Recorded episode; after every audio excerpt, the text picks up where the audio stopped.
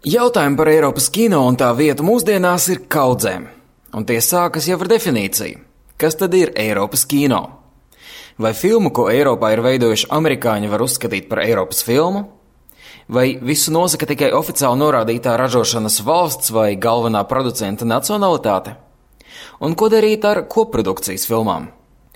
Tie ir tikai daži no jautājumiem par Eiropas kino, uz kuriem nav viennozīmīgas atbildes. I grew up in a small town in North Italy, and there was this um, Es uzaugu mazpilsētā Itālijas ziemeļos, un bērnībā mēs spēlējām spēli, mēģinot noteikt mūsu pilsētiņas robežas. Kur tad beidzas pilsēta un sāks lauki? Katram bija sava versija. Bet, kad tu esi pilsētā, tu jūti, ka tā ir pilsēta. Un ar Eiropas kino ir līdzīgi. To ir grūti definēt, bet to var labi sajust. Tas ir Karlo Krestodīna. Viņš ir itāļu producents, kura veidotā filma Brīnumi šogad Kannu kinofestivālā saņēma otro nozīmīgāko balvu - Grand Prix. Krestodīnas producētā filma ir par pusaudzi Itālijas laukos, kura katru dienu sapņo par citādu dzīvi. Un tieši sociālā realitāte un liela uzmanība cilvēku ikdienas dzīvei un tās grūtībām lielā mērā atšķir Eiropas kino, saka Krestodina.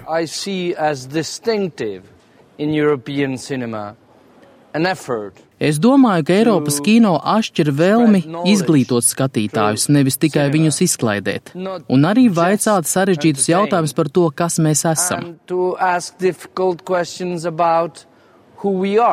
Itāļu filmu producentam piekrīt arī Andrē Lančs no Eiropas audiovizuālās observatorijas.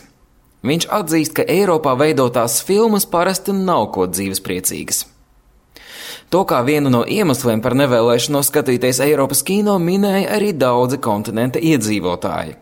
Viņa tika aptaujāta Eiropas komisijas veiktajā pētījumā par šķēršļiem, kas kavē plašāku Eiropas kino izplatību. Jā, es domāju, ka tā ir daļa no Eiropas kultūras. Filmu veidotājiem patīk radīt kino par sociālo realitāti, eksistenciālajiem un ētikas jautājumiem. Savukārt Amerikas filmas pārsvarā ir radītas izklaidēji.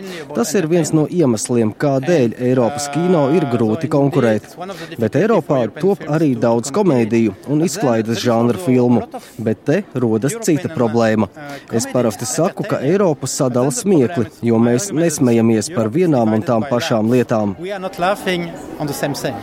Lai apstiprinātu savu tēzi, ka Eiropa sadala smiekli, Lančs min, ka drūmās filmas tiek izrādītas citās valstīs biežāk nekā komēdijas, jo tās esot vieglāk iztulkot. Bet, protams, uz tam iet krietni mazāk skatītāji nekā dotos uz komēdijām. And, and, and Komēdijas veido dažādi joki un valodas momenti, kas ļoti labi darbojas oriģināla valodā, bet pazūd tulkojumā. Jautājums ir, kādēļ panākumi ir britu vai amerikāņu komēdijām, bet nevis franču vai vācu. Protams, tam ir savi izņēmumi, bet tagad tā ir viena no nopietnākajām problēmām. Pat vispopulārākā filma vienā valstī var būt pilnīgi neinteresanta otrā. Nedaudz ironiski par kopīgo Eiropas humoru izsakās arī producents Karlo Krestudina kurš pašreiz sāk darbu pie komēdijas par dažādiem pārpratumiem, kas rodas vienā Itālijas ziemeļu reģionā, kur daļa iedzīvotāju runā vācu, nevis itāļu valodā. Well, Komēdijas ir sarežģītas, jo humors lielā mērā balstās valodas spēlē, un tas būtu ļoti interesants izaicinājums izveidot kādu vienotu Eiropas humoru. Uh, sort of Lai gan Latvijā mēs daudz runājam par naudas trūkumu filmu veidošanai, Eiropas mērogā kino industrijai tā nesot svarīgākā problēma. Vidēji gadā 28 dalību valstīs top vairāk nekā pusotras tūkstotis filmu. Daudzas no tām nemaz nenonāk līdz ekrānam un līdz ar to arī līdz skatītājiem. Tādēļ tieši filmu izplatīšanā mēģina iesaistīties arī Brisele, piešķirot tām naudu radošā Eiropa programmas ietvaros. Saka Mišels Manjē no Eiropas komisijas izglītības un kultūras ģenerāldirektorāta. Uh, Tirgus sadrumstalotība ir viena no problēmām. Ir gandrīz neiespējami nopirkt izrādīšanas tiesības visā Eiropas Savienībā. Arī valodu atšķirības rada problēmas, jo filmas ir jātūko, rakstot subtitrus vai tās dublējot. Tas rada papildus izmaksas. Bet ir arī kaut kas mazāk tverams. Proti, šobrīd, ja runājam par Eiropas kino, cilvēki pārsvarā vēlas skatīties filmas no sava reģiona, no savas valsts. Un mūsu izaicinājums ir radīt vēlmi noskatīties filmas, kas ir ražotas citās valstīs. Filma, kas ir veidota Vācijā, var tikpat labi būt populāra Francijā, Itālijā un Spānijā. Tieši filmu iekšējā aprite starp Eiropas valstīm līdz šim nav bijusi pārāk attīstīta. Arī Latvijas kinoteātros, it sevišķi nelielos, ir iespējams regulāri noskatīties gan franču, gan vācu filmas, bet, piemēram, redzēt Ungārijā vai Grieķijā ražotās filmas nemaz tik bieži negadās. Man jēgan uzskata, ka nav tik liels nozīmes, no kuras Eiropas valsts nāk filma ja vien viņa ir tiešām laba. So, not... Tas, vai filma ir eksotiska, nespēlē tik būtisku lomu. Svarīgāk ir tas, kā filmas tiek reklamētas un izplatītas. Ar labas kvalitātes produktu ir iespējams radīt interesi visur at vi er ved at miste det, der får Danmark til at hænge sammen. Jeg mener, i modsætning til Frihedspartiet... Dānijas seriāls Valdība, ko demonstrēja arī Latvijas televīzija, tam var būt labs piemērs. Vēl pirms dažiem gadiem būtu grūti iedomāties, ka seriāls dāņu valodā, ko Lielbritānija rādīja ar angļu subtitriem, varētu iekarot britu sirdis un kļūt šajā valstī par vienu no skatītākajiem. Og statsministeren vil sikkert sige, Uz valodas atšķirībām kā vienu no galvenajiem izplatības šķēršļiem norāda arī Andrē Lončs no audiovizuālās observatorijas. Galvenā problēma ir nevis filmu veidošanā, bet gan to izplatīšanā. Un viens no maniem galvenajiem argumentiem ir, ka izplatīšanas problēma nav saistīta tikai ar naudu. Tas ir arī jautājums par kultūru. Tas ir saistīts ar to, ka cilvēki nerunā vienā un tajā pašā valodā, viņus neapvieno vieni un tie paši stāsti, un viņi nezina, kādas labas filmas varētu nākt no citām Eiropas valstīm. Lančs atzīst, ka pat viņš nesot redzējis nevienu filmu, Piemēram, no Latvijas. Man jāatzīst, ka es neesmu redzējis nevienu Latvijas filmu. Esmu redzējis dažas filmas no Igaunijas un dažas no Lietuvas, bet es neatceros, ka es būtu redzējis kādu Latvijas filmu. Bet es esmu profesionālis, man ir iespēja noskatīties filmas festivālos un citviet. Bet daudziem citiem nav ne mazākās iespējas noskatīties lieliskas Eiropas filmas no citām valstīm, jo tās nerāda ne nec kinoteātros, nec televīzijā. Tādēļ tā ir nopietna izplatīšanas un sabiedrības izglītošanas problēma. Līdztekus zinkārības trūkumam izaicinājumu Eiropas kinematogrāfam met arī digitālais laikmets. Pašreizējā legālā filmu izplatīšanas sistēma vēl nav pilnībā pielāgojusies jaunajai realitātei. Proti tam, ka filmas cilvēki vēl skatīties ne tikai kinoteātros un pa televizoru, bet arī internetā. Mišels Manjē no Eiropas komisijas saka, ka tas rada gan izaicinājums, gan jaunas iespējas Eiropas filmām.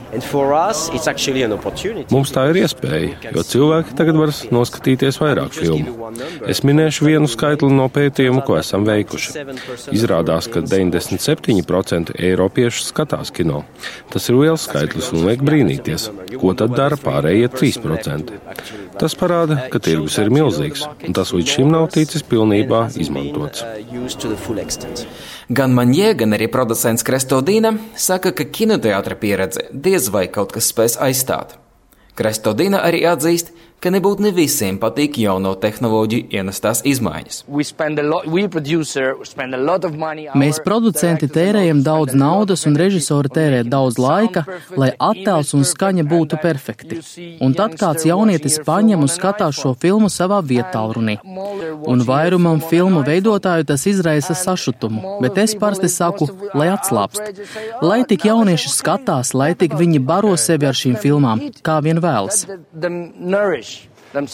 Vēl viena problēma slēpjas tajā, ka arī starp legālajām filmu izplatītājiem internetā dominē gan amerikāņu uzņēmumi, gan amerikāņu filmas.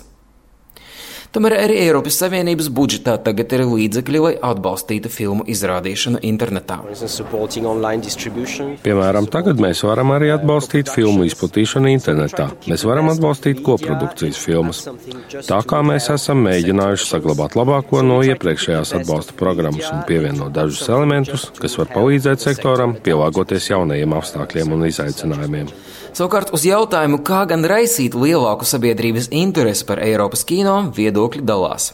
Lančs uzskata, ka sabiedrību ir nepieciešams izglītot. Es domāju, ka ir ļoti būtiski mācīt skatīties filmas arī skolās, mācīt novērtēt dažādus filmu aspektus, un sabiedrībai būtu arī jāpapūlas būt nedaudz ziņkārīgākai. Savukārt Krestodīnam ir vienkārši pārliecināts, ka ir jātaisa labs kino. Visienesīgākā filma 1964. gadā bija Roko un viņa brāļi, ko veidoja Lukino Viskonti. Tajā bija divas un zvaigznes, un tas bija lielisks mākslas darbs. Un cilvēki devās skatīties. Kāpēc?